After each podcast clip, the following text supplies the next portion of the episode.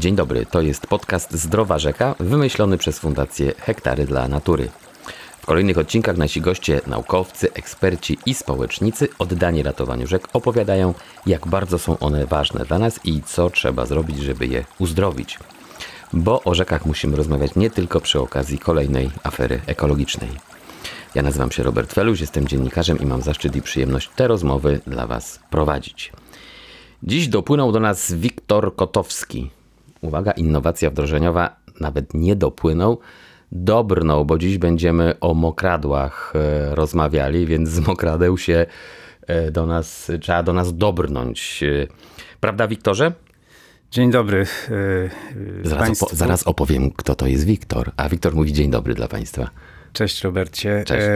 Byłoby tak, gdyby nie fakt, że no, gdybym rzeczywiście przez te mokradła tutaj zmierzał, gdyby nie fakt, że e, większość zdecydowaną mokradeł osuszyliśmy i już nie da się w nich ugrzęznąć. I co, czyli ani na- brnąć przez nie. To na tym kończymy naszą rozmowę. Dziękujemy Państwu. Nie, nie, nie, to, Mokradeł- to wyz, wy, wyznacza wyzwania. O, Jest co robić. Dobra, to ja teraz powiem, e, kto jest naszym gościem. Znaczy, to już wiemy, że Wiktor Kotowski to jest e, profesor Uniwersytetu Warszawskiego na Wydziale Bio- Biologii, założyciel, a obecnie członek zarządu Centrum Ochrony Mokradeł, w skrócie bardzo sympatyczne CMOK. Powiemy potem, dlaczego to CMOK.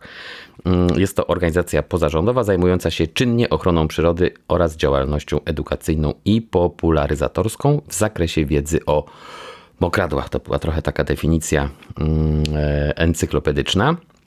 Wiktor y, jest aktywnym badaczem i naukowcem w zakresie ochrony przyrody i restytucji torfowisk, o których też będziemy rozmawiali.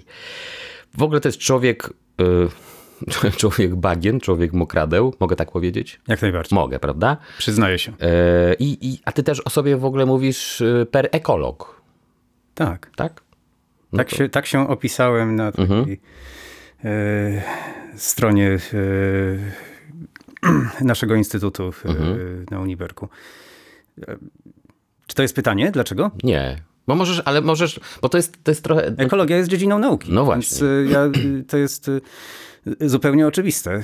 Jestem w Instytucie Biologii Środowiskowej, który równie dobrze mógłby się nazywać Instytutem Ekologii. Mhm. Zajmuję się ekolo- e- ekologią ekosystemów jako nauką. Ale jest też ta druga strona i e, znaczenie słowa ekolog popularne. Takie popularne, Dla tak. jednych pozytywne, dla innych pejoratywne. Mhm. Ja się do tego drugiego znaczenia też przyznaję, co Pejoratywnego, tak? jak, jak to y, patrzył. Te, No bo- bo- cho- Chodzi o to, że y, ekologia wyznacza jakoś mój światopogląd, Mhm. y, wybory y, życiowe, polityczne i sposób życia. Mhm. Bardziej chyba patrzę na świat ekocentrycznie niż antropocentrycznie. I też y, no pewnie dla części ekolog to trochę, mm, przepraszam, wariat, ale to, to dobrze, że są y, tacy wariaci y, na świecie. Dla przyrody dobrze. Nie będę ciągnął tego wątku. Dobra, to kończymy, ale ten wątek. Y, Mokradła mm, to jest szerokie określenie. Jakoś kojarzymy je, nie wiem, z, z bagnami, ale można powiedzieć, że rzeka, a jesteśmy w podcaście Zdrowa Rzeka, to też mokradło, prawda? Trzeba nawet, Nawet trzeba. trzeba, tak? No, ja- jak to jest z, z tymi Ja mokradłami? używam słowa mokradło szeroko tak, jak je zdefiniowała y, konwencja ramzarska. Mhm. Znaczy Ona zdefiniowała słowo wetlands, y, bo oryginalny tekst Mhm. jest po angielsku, e, ale konwencja ramzarska, 71 rok. Pierwsza międzynarodowa konwencja e, o ochronie przyrody i pierwsza i jedyna, która dotyczy konkretnego typu ekosystemów, Mhm. ujęła mokradła szeroko. To są e, wszelkiego rodzaju obszary podmokłe i tam jest wyliczanka, torfowiska, tereny zawodowe i tak dalej. Oraz wody śródlądowe i przybrzeżne wody morskie do głębokości 6 metrów w czasie odpływu. E, Więc e, dużo mamy tych Dużo. mokradeł, ale e, i ta idea miała sens. Znaczy, po pierwsze, z punktu widzenia rozgraniczenia nie da się postawić ścisłej granicy między powiedzmy bagnami nadrzecznymi a samą rzeką. Funkcjonalnie też jedno bez drugiego nie może y, istnieć, y, bo nie ma zdrowej rzeki bez strefy przybrzeżnej oraz y, bez jej zlewni, w której mokradła stanowią ważną część. A po drugie, nie da się ochronić, a konwencja służy ochronie tych ekosystemów jednego bez drugiego. Nie da się ochronić bagien regulując rzeki. Nie da się ochronić rzeki bez ochrony bagien, przez które woda z lądów spływa do ekosystemu czyli, wodnego. Czyli niekoniecznie może być sytuacja, że uwaga jest zdrowe bagno, a obok czy mokradło, a obok niezdrowa rzeka. Jak jedno jest zdrowe, to i drugie jest zdrowe pewnie, tak? Bo to ze sobą... A może można? Jak jedno jest e, e, uszkodzone, mhm. to drugie zaczyna chorować. Mhm. I jedno na drugie. Oczywi o, oczywiście, no, mhm. mówimy o jednym organizmie, mhm. jakim jest no, szeroko pojęty. Właśnie, bo my, bo my dzisiaj rozszerzamy trochę nasze takie... System krajobraz jest mhm. taką właściwie analogią organizmu trochę. Dzisiaj rozszerzamy trochę pojęcie rzeki, bo rozmawialiśmy w poprzednich odcinkach podcastu o rzece o, i o, o jej dolinie. E, jako to są połączone ekosystemy, ale dzisiaj rozszerzamy to właśnie o te o, o mokradła, o bagna, tak? No bo to jest... No te bagna mogą być w dolinie, ale mogą być też poza Doliną Rzeczną. Mhm. E, e, tak, ja, ja, się zgadzam z e, tym stwierdzeniem, że e, rzeka to e, ekosystem który powinniśmy traktować łącznie z Doliną Rzeczną, ale ja powiem szerzej. No, mhm. znaczy, jako całość powinniśmy traktować zlewnię a zlewnia to jest po prostu fragment lądu, mhm. Y, z którego wody spływają do jednej rzeki. Mhm. I w, w, jakim stanie i w jakiej ilości te wody do rzeki spłyną, zależy od tego, co się dzieje na lądzie. I tutaj zarówno y, cała pokrywa roślinna, która jest y, w tej zlewni wpływa na to, co się mhm. dzieje w rzece, ale y, mokradła, y, mokradła, powiedzmy lądowe, czyli bagna, tereny zalewowe, pełnią niesamowicie ważną y, rolę w tym procesie. Tak? Przepływu wody z lądu do wody. To co one, co one robią? Powiedz tak, no, wytłumacz to Wszystkim... takim, mhm. takiemu laikowi jak, jak ja, bo ja tu jestem z pozycji laika i w ogóle się tego nie wstydzę, bo taki laik czasem się potrafi zapytać takie rzeczy, wydawałyby się oczywiste, ale nagle, e, jakie to fajne, że on to zapyta. Więc masz teraz fajne pytanie laika. Więc e, jest trochę takich e, takiej wiedzy popularnej, która jest na bardzo powierzchownym mhm. poziomie przyswojona i my nie wiemy tak naprawdę, co to znaczy. Wszystkim gdzieś dźwięczy w głowie mhm. albo retencjonuje w głowie słowo retencja. Tak. tak więc te bagna retencjonują wodę mhm. i już coraz powszechniej zdajemy sobie sprawę, że ta retencja jest ważna i dlatego trzeba je chronić albo odtwarzać, tylko pytanie, po co nam ta retencja? Prawda? Bo tej wody nie można w konewce z bagna y, wynieść y, i wykorzystać gdzie indziej. Otóż ona nam jest potrzebna do e, e, zasadniczo do dwóch, do, do uporządkowania, uregulowania dwóch procesów. Po pierwsze, krążenia wody w ekosystemie. Jeżeli ta woda się po drodze, zanim e, spłynie do rzeki, a rzeką do kolejnej i do morza, jeżeli ona się zatrzyma e, w mokradłach lądowych, to ona ma szansę wrócić do obiegu lądowego poprzez e, parowanie. Parowanie i transpirację, czyli parowanie terenowe z roślin. I Oczywiście ze wszystkich ekosystemów ta woda paruje, tylko tam, gdzie jest jej dużo, zwłaszcza w y, okresach y, letnich, kiedy jest gorąco, kiedy parowanie jest silne, no to ona ma, ma szansę krążyć i wracać do lokalnego obiegu przez cały czas, nawet wtedy, kiedy, kiedy gdzie indziej jej brakuje. I dlaczego to jest y, ważne? Dlatego, że po pierwsze to ta woda, która wyparuje, ona do nas wróci. Mhm. Niekoniecznie w tym samym miejscu, ale ona wróci z opadem, e, z e, rosą, z mgłą. Po drugie, parowanie jest procesem endoenergetycznym. Pochłania energię z otoczenia, więc schładza klimat. W ten sposób zbiorniki wodne i bagna regulują lokalny mikroklimat i to regulują w sposób rzeczywiście istotny. No i w końcu ta woda wysyca e, tak zwany deficyt pary wodnej w atmosferze. No po prostu im, e, im cieplej, tym tej pary wodnej w atmosferze może się zmieścić więcej. E, to jest też e, ważna sprawa na ocieplenie klimatu. Będzie ogrzewająca się atmosfera odciągać coraz więcej wody z lądu. Mhm. Jeżeli ta woda ma skąd wyparować, to wtedy jej się w atmosferze znajdzie trochę więcej i co in, i inne obszary, nasze pola, ogrody, E, będą mniej wysychać. Mhm. Więc to są te sprawy związane z regulacją e, mikroklimatu. A druga sprawa to jest e, wpływ retencji na przepływ wody przez krajobraz. Jeżeli ta woda się gdzieś zatrzyma, i jej spływ w dół zlewni, czyli do rzeki jednej, drugiej, jest spowolniony, to poziom wody w tej rzece będzie bardziej wyrównany. Jeżeli mamy uregulowane rzeki i pocięte rowami torfowiska, to ta woda po okresie, okresie deszczowym, czy nawet w czasie okresu deszczowego spływa momentalnie.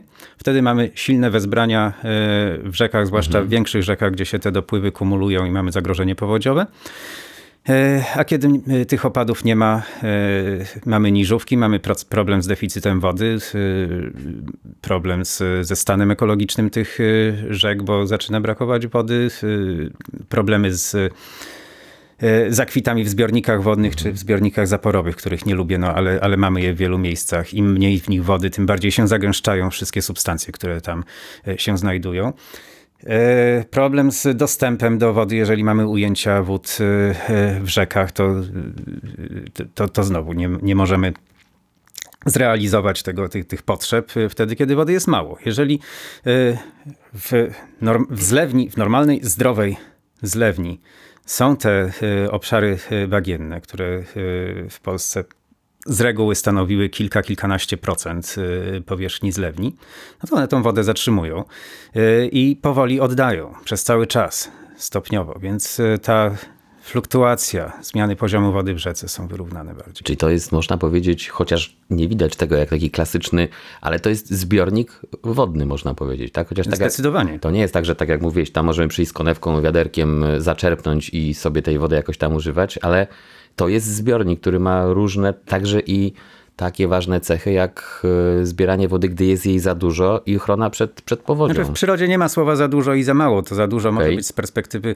e, naszego zagospodarowania no tak. przestrzeni, tak. z perspektywy człowieka. Mm -hmm, Natomiast tak, to jest właściwie zbiornik buforowy z perspektywy krążenia wody w przyrodzie, mm -hmm. który wtedy, kiedy jest jej dużo, tą wodę jest w stanie zakumulować w jakimś stopniu. To nie jest do końca tak, że one, te torfowiska stoją puste e, w okresach suchych i jak, jest, jak są deszcze, to nagle się wypełniają. One, są, one powinny być zawsze wypełnione, ale mają pewną e, zdolność do, e, do zwiększenia tej pojemności. Mhm. Zdrowe, niezniszczone torfowisko, ten torf jest w miarę elastyczny, potrafi zakumulować trochę więcej wody. No i przede wszystkim spowolnić ten, ten przepływ wody przez krajobraz. Ona y, zaczyna się rozlewać po tych obszarach mokradeł. Y, jeżeli one są duże, no to poziom wody w nich stopniowo y, rośnie i później przez kolejne tygodnie, y, jak już deszcze ustaną, będzie opadał.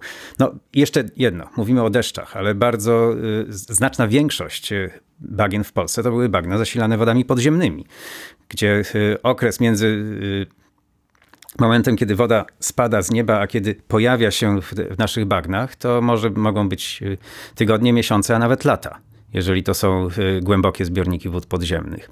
I wtedy to te zbiorniki wód podziemnych, tak, czyli jakieś pokłady piasków y, wysyconych wodą, są tym buforem y, i woda się pojawia w naszych bagnach po, po długim czasie. Mm, tak jak człowiek próbuje i niestety mu się to czasem udaje ujarzmiać rzeki, czyli szkodzić im, to tak samo chce pewnie robić z bagnami, tak? No bo powiedziałeś, że już za dużo tych bagien, bagien, bagien takich mhm.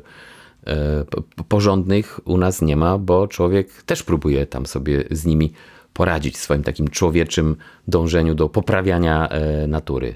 No, no bo one dają duży potencjał, tak jak w rzekach staraliśmy się je y, y, zmniejszyć, powierzchnię, którą zajmują razem z, z nadrzecznymi bagnami, bo można to, tą powierzchnię wykorzystać na tereny y, rolnicze, a rzeki uregulowane wykorzystać na transport czy na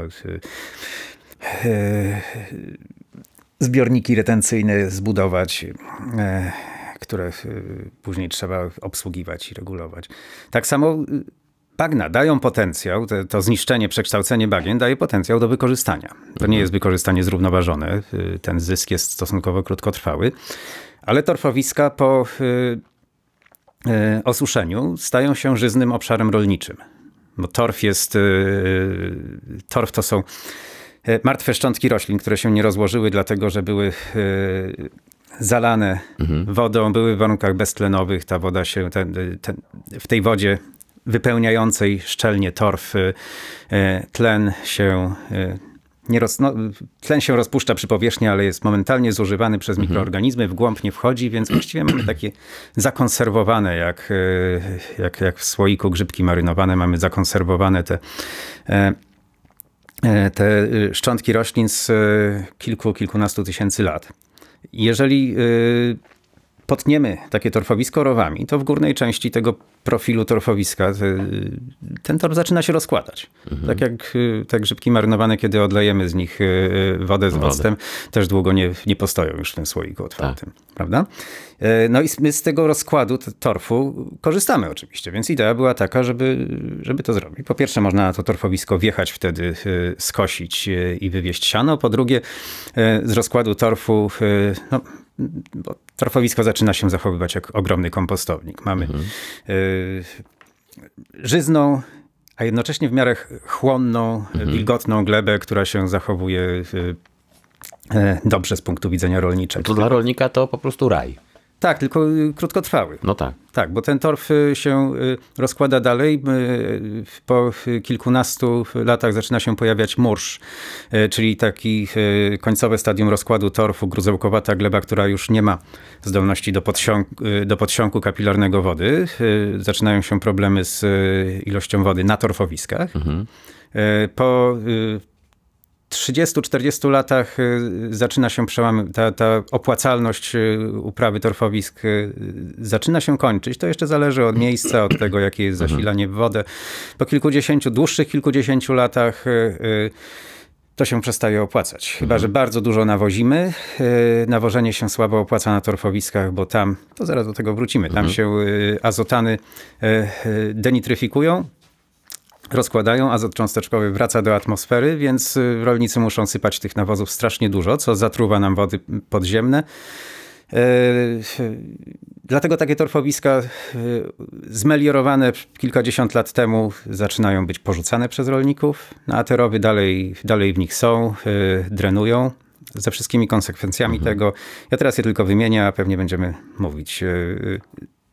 Oczywista jest to i o tym wspominałem, zmiana czy zniszczenie tej retencji, tak? Więc wpływamy na hydrologię w rzece, w rzekach, e, zwiększamy amplitudę poziomów wody e, i, i zwiększamy zagrożenie powodziowe. Po drugie, niszczymy całą przyrodę związaną z tym torfowiskiem, no to już na samym początku, tak? Mhm. Ptaki, inne zwierzęta, rośliny, torfowisk należą do najbardziej ginących grup. Trzeci aspekt, y, y, z którego sobie zdajemy, zdaliśmy sprawę w ciągu ostatnich powiedzmy 20 lat, to są emisje gazów cieplarnianych. Jeżeli materia y, organiczna, która była akumulowana przez tysiące lat, się rozkłada, to produktem tego rozkładu, oprócz tego, z czego rolnicy chcieli korzystać, mhm. czyli azota, azotany, fosforany, jest dwutlenek węgla. Osuszone torfowiska w skali świata dają około 2 gigaton emisji dwutlenku węgla do atmosfery rocznie to jest około 5% naszych emisji y, y, ze spalania paliw kopalnych, ekwiwalent. W Polsce po, po, wszystko wskazuje na to, że to jest powyżej 10% naszych emisji ze spalania. Znaczy, to jest bardzo dużo. To jest bardzo dużo i to, jest, to są emisje, które wiemy jak zahamować, mhm. bo wystarczy zatkać te rowy. My wciąż osuszamy te torfowiska, mhm. nawet jeżeli ich już nie użytkujemy, te porzucone też. I, I, ten dwutlenek leci stamtąd w ilości 20-30 e, ton na hektar na rok, w zależności od głębokości e, odwodnienia. E, może to nie wszystkim dużo mówi, ale pamiętajmy, znaczy porównajmy to sobie. Takie 30 ton dwutlenku węgla na hektar na rok z łąki na odwodnionym torfowisku to jest ekwiwalent emisji z samochodu osobowego, który przejechał 300 tysięcy kilometrów. O, to już taki porządnie przejechany. 300 taka taksówka, to już, która no, 300 jeździ. tysięcy kilometrów rocznie, więc rocznie. To, to jest, Jezu, nie, to jest nie do zrobienia. Tak. To jest nie do no, zrobienia. stówkę ludzie robią. Y, mamy w, w Polsce około miliona 200 tysięcy hektarów y, takich osuszonych torfowisk. Więc to się akumuluje do jakichś 30 paru y, milionów ton dwutlenku węgla rocznie które można powstrzymać poprzez zatkanie tych wszystkich rowów. Oczywiście to jest, do tego potrzebujemy decyzji, czy dalej chcemy uprawiać łąki, y, paść krowy, y, tak, produkować pasze dla zwierząt na tych y, osuszonych torfowiskach. To nie są wszystkie nasze pastwiska, to jest mniejszość, no ale oczywiście przeznaczenie torfowisk na ponowne zabagnienie co mam nadzieję się stanie w końcu, jest konsekwencją dla pewnych zmian w, w sposobie y, produkcji To jest żywności. kwestia też przekonania gospodarza rolnika. Już nie będziesz tutaj y, używał tego tak jak do tej pory, bo musimy wrócić z tym do stanu naturalnego. No i pytanie, czy znaczy to trzeba jakiegoś mo- mądrego tłumaczenia do tego, no bo to, to Znaczy są... dla rolników to y, tłumaczenie jest jedno. No, dla rolnika jego ziemia, własna czy dzierżawiona, to jest źródło zarobku. No więc tak. właśnie Należałoby mu jakoś pewnie powiedzieć, dobra, to na tym nie stracisz, bo my ci jakoś tu w tym pomożemy, natomiast nie będziemy, nie będziemy się zatruwali tym kawałkiem, który do tej pory ty obrabiasz. To są niewyobrażalne w ogóle y, ilości, o których ty powiedziałeś. A uważam, że prościej pewnie w, w, na tym polu, nomen omen, y, powalczyć z, z dwutlenkiem węgla, niż tłumaczyć ludziom, żeby mniej jeździli samochodami. No pewnie musimy, musimy jedno i drugie. Jedno i drugie, Y, no. Ale y, to jest jasne, że do rolników y, trafia się y, y, przez kieszeń, ale też przez serce. Mhm. Znaczy rolnik rozumie degradację gleby, bo chce, z reguły to są gospodarstwa rodzinne i chce gospodarować długo. Problemem znaczy, z torfowiskami nie zawsze to są takie odwieczne gospodarstwa rodzinne, no bo te, większość tych melioracji była stosunkowo niedawno. Tak. E, I kiedyś, e, jeżeli gospodarowano tam, to gospodarowano w warunkach bagiennych. Kociło się łąki e, stojąc w wodzie. Zbierało się to siano zimą. Ja nie mówię o tym, żeby powracać do tego do tego modelu, ale też chcę powiedzieć, że nie ma takiego przywiązania do y, gospodarowania na osuszonych terenach. To jest jedno pokolenie z reguły, może, może dwa maksimum, więc to nie jest cała historia y, rodziny związana z tymi zmeliorowanymi To nie jest gruntami. taka kategoria, że mój dziad tutaj, ojciec i tak dalej. No i- są takie tereny, trochę jest takich, zmeliorowanych za czasów pruskich czy carskich, y, y, y, ale większość to jest, y, to są lata 60., 70. Stosunkowo świeża historia, można Tak, powiedzieć. stosunkowo tak. No i żeby domknąć sprawę, my my mamy dwie opcje. Albo rzeczywiście y, powiedzieć rolnikom, y, zmieńcie obszar gospodarowania y, i te torfowiska zalewamy, oddajemy przyrodzie, wykupujemy od was. Tu potrzebujemy ogromnej kasy. Y, Opcją y, są pieniądze od firm, które potrzebują offsetować swoje emisje dwutlenku węgla. Bo y, y, kiedy y, podwyższymy poziomy wody na torfowisku, kiedy przestaniemy je odwadniać, to my możemy dosyć łatwo policzyć, y, jakie mamy oszczędności emisji Y, i to jest najbardziej y, wiarygodny y, offset y, węglowy. Tak? Wiadomo, że firmy próbują inwestować w, w ramach tego poprawy swojego y, y, wizerunku. I myślisz, żeby się znalazły firmy, które by chciały w ten sposób Znajdują trochę się, znajdują się, tak. Takie zmazać system- swoje Takie winy? systemy już funkcjonują. Już jest w Europie parę systemów offsetu węglowego opartych na napadnianiu torfowisk. My w. Polsce też taki y, próbujemy rozwinąć. Druga, y, druga droga to jest pozostawienie torfowisk w sektorze rolniczym, no bo większość torfowisk w Polsce i w Europie Środkowej i Zachodniej jest obszarami rolniczymi. Natomiast y, y, zaniechanie tego odwadniania i zmiana tego, co my tam uprawiamy na rośliny bagienne. Bo my potrzebujemy ogromnych ilości y, biomasy do różnych celów. Y, Ponownie nawodnione torfowiska są niesamowicie żyznymi ekosystemami. Naturalne niekoniecznie, ale jak już się tam ten torf rozłożył, to jeżeli my przywrócimy wodę, z którą dopłyną jeszcze pierwiastki, których może tam brakować, potas i tak dalej, azotu jest bardzo dużo w rozłożonym tor, torfie i fosforu, to odtwarzamy ekosystemy, które no, wystarczy sobie wyobrazić taki szuwar trz- trzcinowy albo, albo z pałki wodnej, y, wysoki na y, 3-4 metry. Y, Tą biomasę można kosić. Co pra- nie można kosić jej standardowo traktorem, ale można temu trak- ten, ten traktor wyposażyć w y, takie baloniaste koła albo podwójne opony, albo są inne y, specjalistyczne kombajny do tego. I my z niej możemy robić energię. To jest y, y, jedyne miejsce, gdzie ja widzę sens y, produkcji biopaliw, ale w oparciu o nasze rodzime ro- rośliny, a nie potencjalnie inwazyjne. E, Bo to nie są obszary, gdzie konkurujemy z uprawą, z uprawą żywności dla, dla biopaliw. Tak? To nie jest tak, że albo pole rzepaku na bioetanol, albo, e, albo ten rzepak na olej dla nas konsumpcyjny. Bo takie biopaliwo na ponownie nawodnionych torfowiskach w postaci tej pałki trzciny biomasy energetycznej mm, rzeczywiście redukuje emisję dwukrotnie, bo zastępuj, biomasą zastępujemy paliwa kopalne i jednocześnie ograniczamy te 30 e, ton CO2 na hektar e, dzięki nawodnieniu torfowiska. Same dobre rzeczy z tego E, wynikają. A jeśli nie energetyka, to y, z trzciny i pałki możemy mnóstwo rzeczy zrobić. Y, m, wiemy o dachach y, trzcinowych, które są coraz bardziej popularne, a kiedyś były tymi tradycyjnymi. Budowaliśmy kiedyś domki trzcinowe w Mikołajkach. Były takie domki kempingowe wszędzie na kempingach rozpowszechnione. Nie było widać tej trzciny pod tynkiem, chyba że się obłupał. I wtedy się okazało, kurczę, Co tam mieszkamy w domku, Co tam wychodzi z w domku z trzciny, więc to, No. to, to, to nie jest żadna Żadne wiel, odkrycie, nie? wielka innowacja. Tak. Innowacją, od, odkryciem jest pałka e, wodna. Pałka szerokolistna lub wąskolistna. Mamy dwa gatunki podobne bardzo.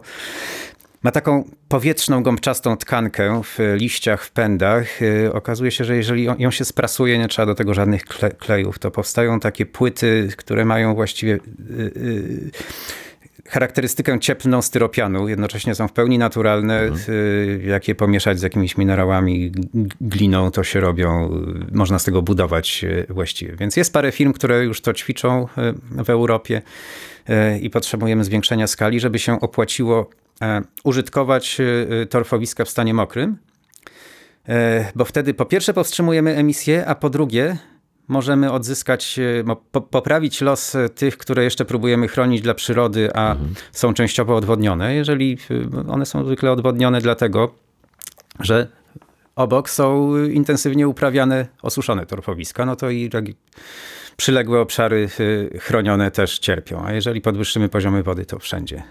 Tak, a ta, ta biomasa z mokradeł to w ogóle był temat y, takiej konferencji z y, wrześniowej y, przez Generalną Dyrekcję Ochrony Środowiska zorganizowaną, której ty pomagałeś przy, przy zrobieniu tej konferencji. Czy to jest w ogóle zaczyna być poważna sprawa?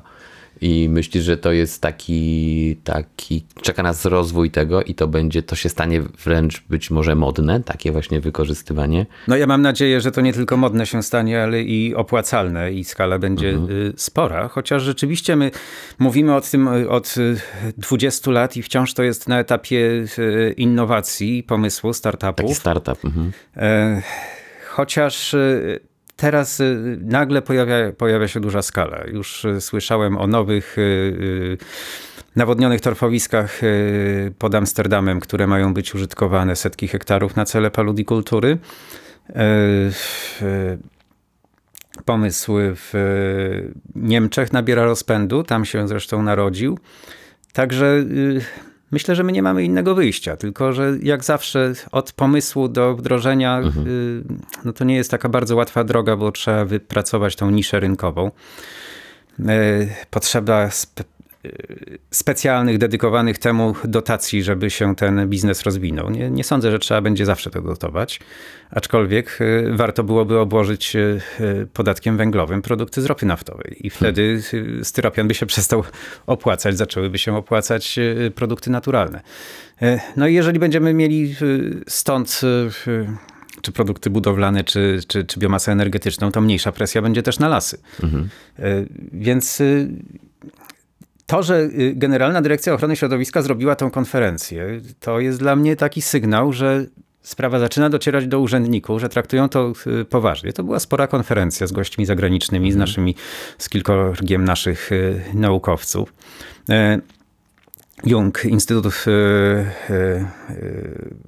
i upraw i nawożenia gleb, przepraszam, musiałem sobie przypomnieć pełną nazwę. Y, Rozpoczyna właśnie projekt y, z własnych y, przekazanych przez państwo funduszy na badawczy projekt dotyczący paludikultury. Więc to nie jest tylko taka niszowa sprawa pasjonatów mokradeł, tylko to zaczyna być mainstream. No i też bez takiego urzędniczego błogosławieństwa, dobrej woli, wiadomo, że by- byłoby ciężej, prawda? Więc to dobrze, że się chyba urząd zaczyna tym No interesować. zdecydowanie. No to dobrze, niech się urząd interesuje. A słuchaj, czy nie ma jakiegoś teraz zainteresowania torfem, bo on ma chyba też jakieś zdolności palne. No niestety. No niestety, właśnie, bo przecież mamy teraz, wiadomo jaka nas y, zima czeka, mamy kryzys energetyczny. Czy to nie jest jakiś taki renesans, zły renesans y, to, torfu? Jak, jak to wygląda?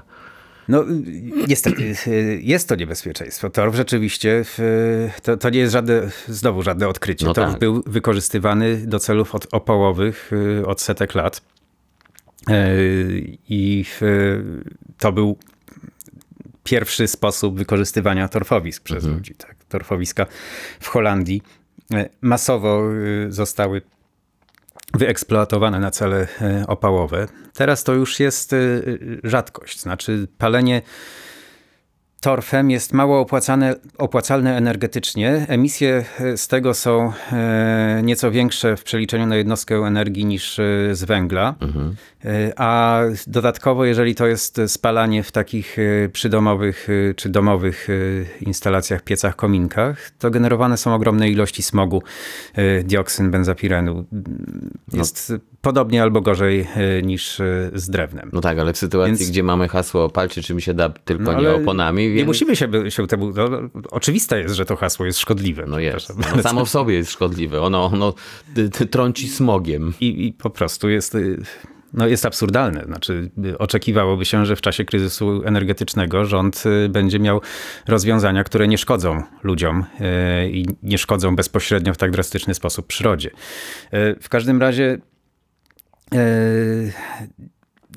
w porównaniu z eksploatacją, z paleniem węglem, mhm torf ma więcej y, szkodliwych aspektów, no bo emisje, jak mówię, są nieco większe, no powiedzmy, że, że, niezauważalna różnica, no ale niszczymy w ten sposób ekosystemy, które y, mogą akumulować ten, y, ten węgiel z atmosfery. Są naszymi sprzymierzeńcami w walce z globalnym ociepleniem, a my je niszczymy po to, żeby wydobyć torf, który spalimy i jeszcze dołożymy do pieca. Same złe rzeczy. Wróćmy do, bo już słowo cmok padło na początku naszej rozmowy. Wróćmy do tego, do samego stowarzyszenia Centrum Ochrony Mokradeł. Kiedyś nazywaliście się Stowarzyszenie Chrońmy Mokradła. Używacie tego pięknego skrótu CMOK, który się kojarzy wiadomo z czym? Z całowaniem. No, bo też historia waszej organizacji y, zaczyna się na bagnie y, całowanie. Tak. Co byście na tym bagnie tam robili? 20 lat temu się spotkaliśmy po to, żeby.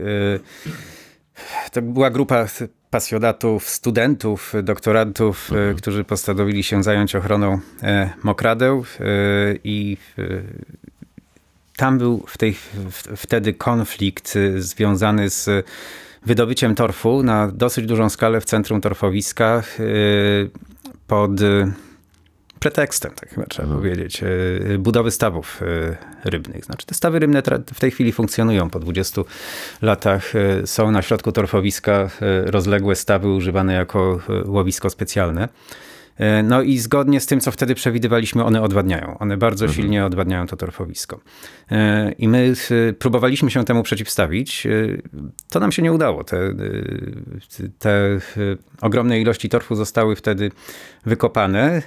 Jeszcze większa szkoda niż samo wykopanie torfu to było to, że ten staw był, pod, był i jest podłączony do odwodnienia liniowego, do systemu melioracyjnego, czyli woda podziemna wpływa Czyli pod powierzchnią torfowiska do stawu, ze stawu do rowu, a więc... Czyli jeszcze bardziej wyciąga wodę, To jest nie, pro, proces, yy, znaczy stopień, w jaki te, te, te stawy zniszczyły mhm. środkową część, właściwie większość tego torfowiska. Jest, to, to jest niesamowicie szybki proces. W ciągu 20 lat ta degradacja poszła daleko. My zdołaliśmy się zająć ochroną czy, czy odtworzeniem kilkunastu hektarów tego torfowiska na dwóch hektarach zrobiliśmy taki bardziej zaawansowany projekt restytucji, więc to jest ta ścieżka 13 błota stóp na bagnie całowanie, która jest popularna, ale trzeba mieć świadomość, że większość tego torfowiska jest silnie zdegradowana i że te stawy dołożyły do, taką ostatnią, e, ostatni gwóźdź do trumny tego ekosystemu, ale on się da A no właśnie, czy, czy dałoby się nawet w tym miejscu tak dramatycznie zepsutym przez te stawy wrócić do, albo próbować wrócić do pierwotnego stanu? Co by tam trzeba było zrobić? Wrócimy jeszcze na, za chwilę do skrótu i historii cmoka, ale na to pytanie krótko odpowiem. Do, do, do stanu sprzed melioracji można wrócić za kolejne kilkaset albo parę tysięcy lat. Mhm. To możemy nie takim, doczekać. Ale możemy nie musimy doczekać do mhm. wszystkiego. No my nie. Znaczy ja, Zostawmy coś po sobie perspektywa y, ekocentryczna y, w ochronie przyrody pozwala patrzeć trochę dalej niż y, mm, długość naszego życia, czy jeszcze długość grantu na ochronę przyrody, gdzie my musimy rozliczyć efekty działań w ciągu tych czterech czy pięciu lat. E, Natomiast, więc to torfowisko, żeby ono znowu było takie jak sprzed mel- melioracji, to musi się nadbudować nowa warstwa nierozłożonego torfu, co będzie te kilkaset lat trwało. Natomiast e, my możemy momentalnie właściwie powstrzymać te gigantyczne emisje CO2 i zwiększyć retencję wody. Wystarczy, że zatkamy te rowy. I To torfowisko zacznie się odbudowywać i zacznie wracać na e, właściwą e, ścieżkę rozwoju. E, Więc to zwykle tak jest, że jak mamy coś totalnie zepsute, to my możemy to naprawić. Nie będzie takie, takie jak przed zepsuciem, ale może znowu działać. Tak? Nie wszystkie funkcje może, ale, ale, ale będzie Ale działać. może tak, ruszyć, jest, tak. tak jest z torfowiskiem, więc z, prze, przekształciliśmy torfowiska z pochłaniaczy y, dwutlenku węgla w jego bardzo silne źródła do, do atmosfery. Z obszarów retencji wody w y, obszary, z których ta woda zanieczyszczona y, spływa poniżej i my możemy te zmiany akurat odwrócić stosunkowo łatwo. A kiedy wrócą gatunki rzadkich roślin i zwierząt, niektóre wrócą szybko, inne potrzebują lat kilkudziesięciu, może kilkuset. E, Ale ja uważam, że na tym po, powinna polegać teraz ochrona przyrody, żebyśmy oddawali przyrodzie e, obszary, które zawłaszczyliśmy. Nie wszystkie, no bo my potrzebujemy e, gruntów dla rolnictwa, dla leśnictwa komercyjnego też, ale wiele możemy oddać. Musimy zrobić, posunąć się trochę i zrobić miejsce. Moglibyśmy się jakoś tak no, dogadać z, z, z przyrodą, prawda? Żeby jej, no, szkodząc trochę, ale nie aż tak dramatycznie, jak to mamy w zwyczaju i jak to robiliśmy przez ostatnie lata. Tak, taka, taki jest mój mit założycielski naszego stowarzyszenia i myślę, że wielu organizacji przyrodniczych. To jest trochę jeszcze relacja między e, tak zwaną czynną ochroną przyrody, czynną e, stabilizującą, gdzie my staramy się za pomocą e, działań bieżących ustabilizować e, stan populacji, zachować to, co mamy, kosić, e, odkrzaczać e, i tak dalej. A ochroną bierną. Ja jestem coraz bardziej zwolennikiem tej ochrony biernej, gdzie my naprawiamy jakieś takie kluczowe kwestie w krajobrazie, jak, jak te rowy melioracyjne, które trzeba zasypać albo zatkać i pozostawiamy duże obszary przyrodzie. Tylko żeby one miały szansę funkcjonować same, to muszą być raczej duże niż małe. A czy czujesz takie zrozumienie rosnące, mam nadzieję, do tego, do, do potrzeby tego ponownego nawadniania torfowisk? Czy to jest trochę, no taka na razie orka na, na ugorze? Tylko nie orka. Właśnie to się, to się dzieje. Specjalnie to powiedziałem. To, to, to się dzieje. Y, Torfowiska, z, które u nas przynajmniej były w większości użytkowane jako y, łąki trwałe, ze wszystkimi konsekwencjami, o których mówiłem, zaczynają być przekształcane w y, y, pola orne pod uprawę kukurydzy i wtedy emisje są jeszcze dwukrotnie większe. To może być i 50 y, y, ton CO2 na hektar na rok. Cudownie. Więc, y, więc byle nie to. E, coraz więcej e, różnych e, ludzi, instytucji e, mówi o potrzebie przywrócenia mokradeł, o potrzebie ich ochrony. I to są wciąż organizacje przyrodnicze, oczywiście, ale coraz więcej.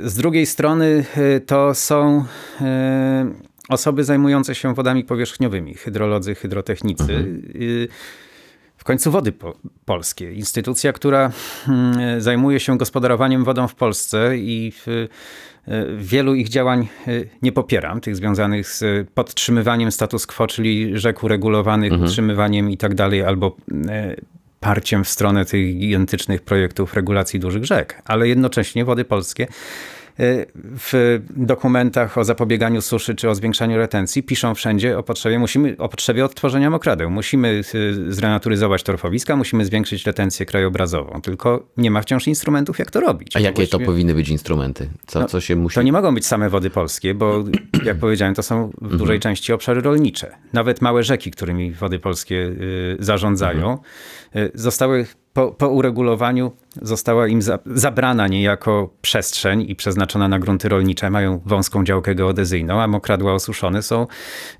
w gestii y, rolników indywidualnych oraz w zasadzie res- resortu rolnictwa, Ministerstwa Rolnictwa. Więc bez współpracy międzyresortowej nie, nie naprawimy sytuacji. Jakbyśmy sobie wyobrazili sytuację idealną, że tak zaczynamy rozumieć, że temu okradła trzeba nawodnić, trzeba uratować, to jak powinien ten cykl wyglądać, na końcu którego sytuacja się poprawi? Kto powinien w tym cyklu uczestniczyć? Co powinien robić? Jak to sobie wyobrażasz, gdyby, gdybyśmy mieli szansę zrobić to w sposób jakiś taki, o, nie powiem, że za pstryknięciem, ale żeby to po Bożemu wyglądało. Ja myślę, że jest potrzebny, y, i to nie jest żart, jest potrzebny pełnomocnik y, mhm. rządu do y, naprawienia gospodarki wodnej ze szczególnym naciskiem na obszary tych, te, te, te obszary zmeliorowane, głównie torfowiska. Mhm. Zespół międzyresortowy współpracy w naprawie tych tych obszarów, przywróceniu im wysokich poziomów wody, bo to jest no, te wszystkie interesy naraz y, retencja, powstrzymanie zanieczyszczeń w wodach, o tym jeszcze musimy ze dwa słowa powiedzieć, y, i powstrzymanie emisji, a więc Ministerstwo Klimatu i Środowiska ma tutaj duży y, interes, żeby wykazać redukcję emisji tych 30 milionów ton. I, I, wtedy trzeba zdecydować. Część do wykupu albo wymiana gruntów. W mhm. zasobie Skarbu Państwa są obszary również nietorfowiskowe, może dokonać wymiany gruntów. W różnych krajach już to przeprowadzano. To mogą być wykupy. Są precedensy. Holandia kiedyś e, wykupiła miliony hektarów od rolników nierentownych i przekazała e, albo państwowej instytucji, znaczy takiej semi-państwowej, jak na Staatsbosbeheer, czyli właściwie odpowiednik naszych lasów państwowych, mhm. ale zajmujący się głównie ochroną przyrody E, albo organizacji pozarządowej, takiej największej e, Naturmonumenten. I oni mają ogromne, tak się zaczęła e, restytucja torfowisk w Holandii, że te instytucje dostały właściwie w prezencie mhm.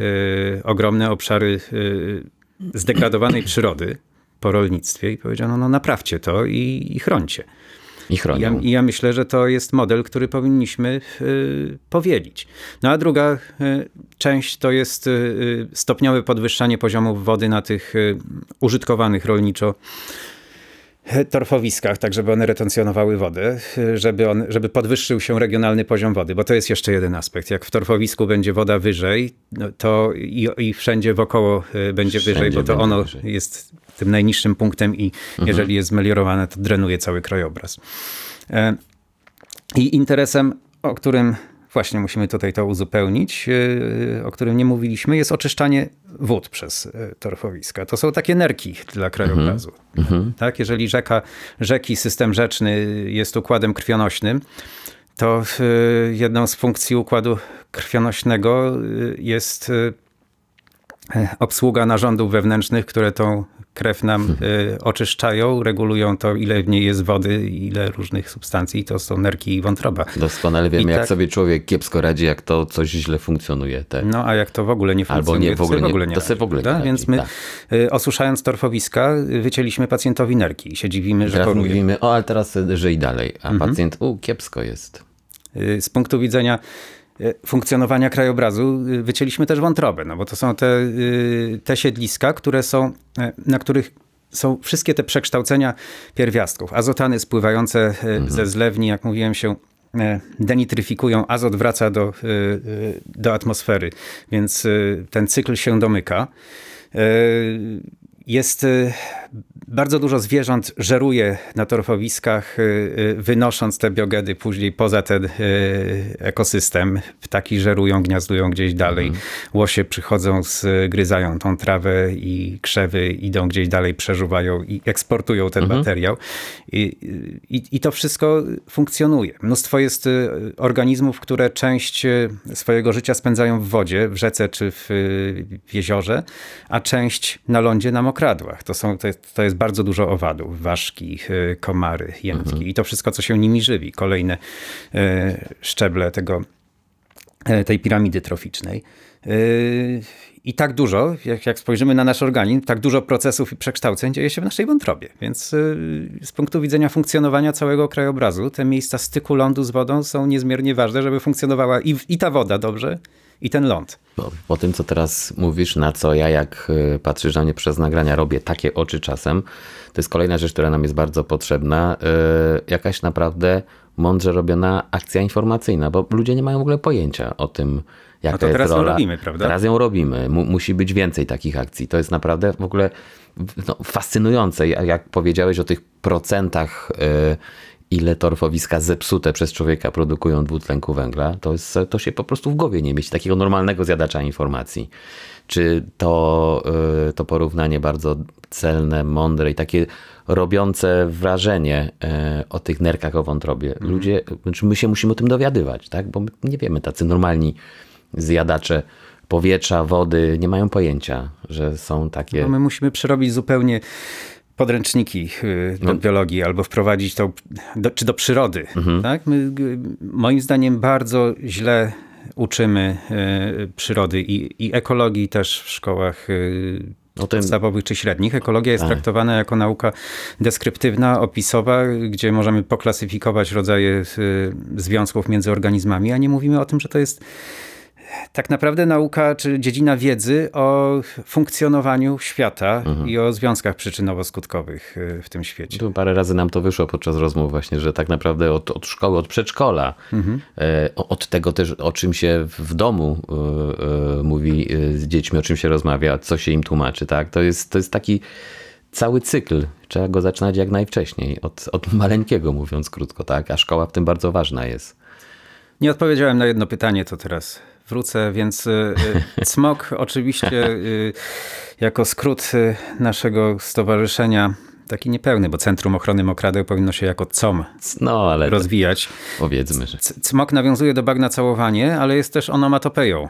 Tak, y, y, taki dźwięk wydaje kalosz wyciągany z bagna i my chcielibyśmy, żeby, żeby w ten sposób się po mokradłach chodziło y, i żeby, Żeby te- cmokało. Żeby cmokało. Ty, ty w ogóle y, bardzo często i chętnie y, cmokasz y, po mokradłach y, kaloszami. Co, co tam cię, znowu może głupie słowo, ale co tak cię ciągnie do tych, wciąga właśnie. Co, co jest takiego wciągającego w mokradłach?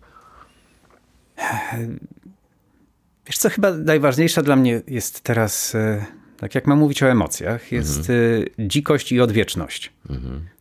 Jeżeli jesteś na e, takim torfowisku, które się znacząco nie zmieniło, nie uległo tym naszym zapędom melioracyjnym, to ja, ja mam świadomość, że ten ekosystem się nie zmienił od paru tysięcy lat. Co więcej, ja jestem w stanie to sprawdzić, y, zagrzebać ręką, jak wsadzę ją po, e, po pachę e, w głąb torfu i wyciągnę go, to widzę rośliny, które tam rosły, a mogę to zrobić jeszcze świdrem torfowym i zejść parę metrów.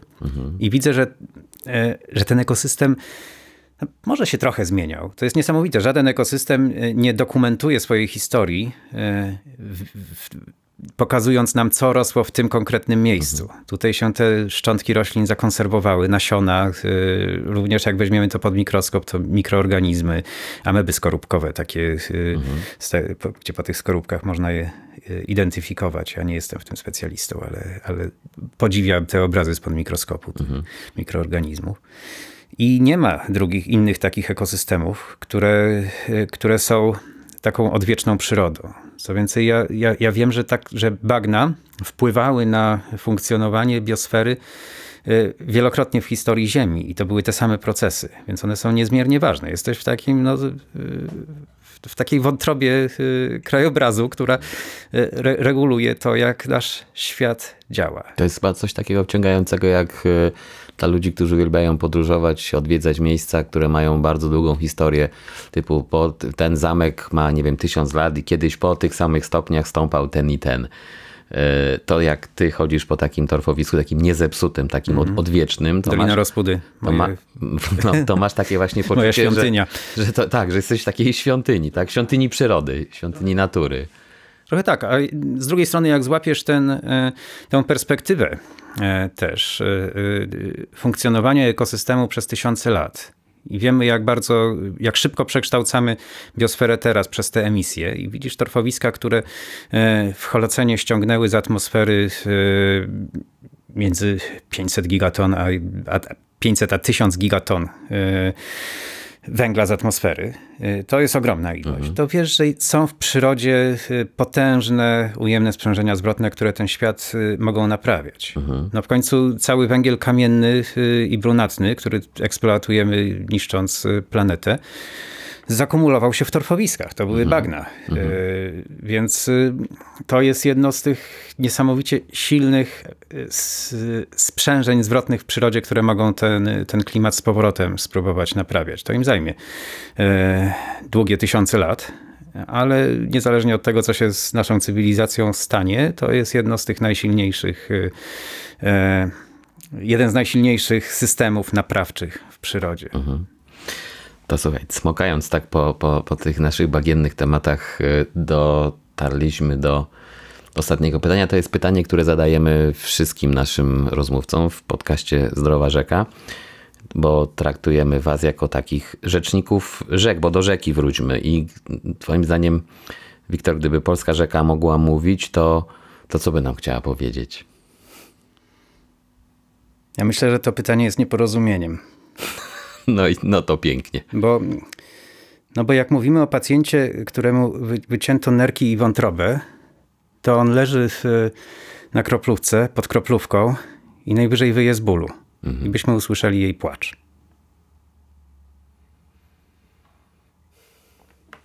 Odetchnąłem teraz głęboko, bo jak inaczej to można skończyć. No, sorry. tak, tak to widzę. Mamy parę, e, parę e, dobrych rzek. E, zwłaszcza, zwłaszcza te duże jakoś się bronią. To może byśmy wtedy usłyszeli to, co powiedział Paweł Pawlaczyk. E, Ale e, większość małych i średnich rzek ukatrupiliśmy. No. Tam się nie dzieją podstawowe rzeczy, takie chociażby jak y, naturalny rozród y, ryb. My mamy ryby w rzece dzięki zarybieniom. Więc to naprawdę jest pacjent na kroplówce. A Paweł, przypomnijmy, powiedział, można to powtórzyć, że, że rzeka by powiedziała nam, żebyśmy się od niej odpieprzyli. No i to jest, y, to też może być jako podsumowanie naszej rozmowy, żeby nam pacjent nie wył z bólu, jeśli się od niego od, odstosunkujemy. No, myślę, że trzeba go, trzeba go wyleczyć jednak. Wyleczyć, a potem mu dać y, spokój. Bardzo dziękuję. Wiktor Kotowski, ekolog, y, był gościem Dziękuję tym bardzo. odcinku Zdrowej Rzeki. Dziękuję. Wszystkiego dobrego.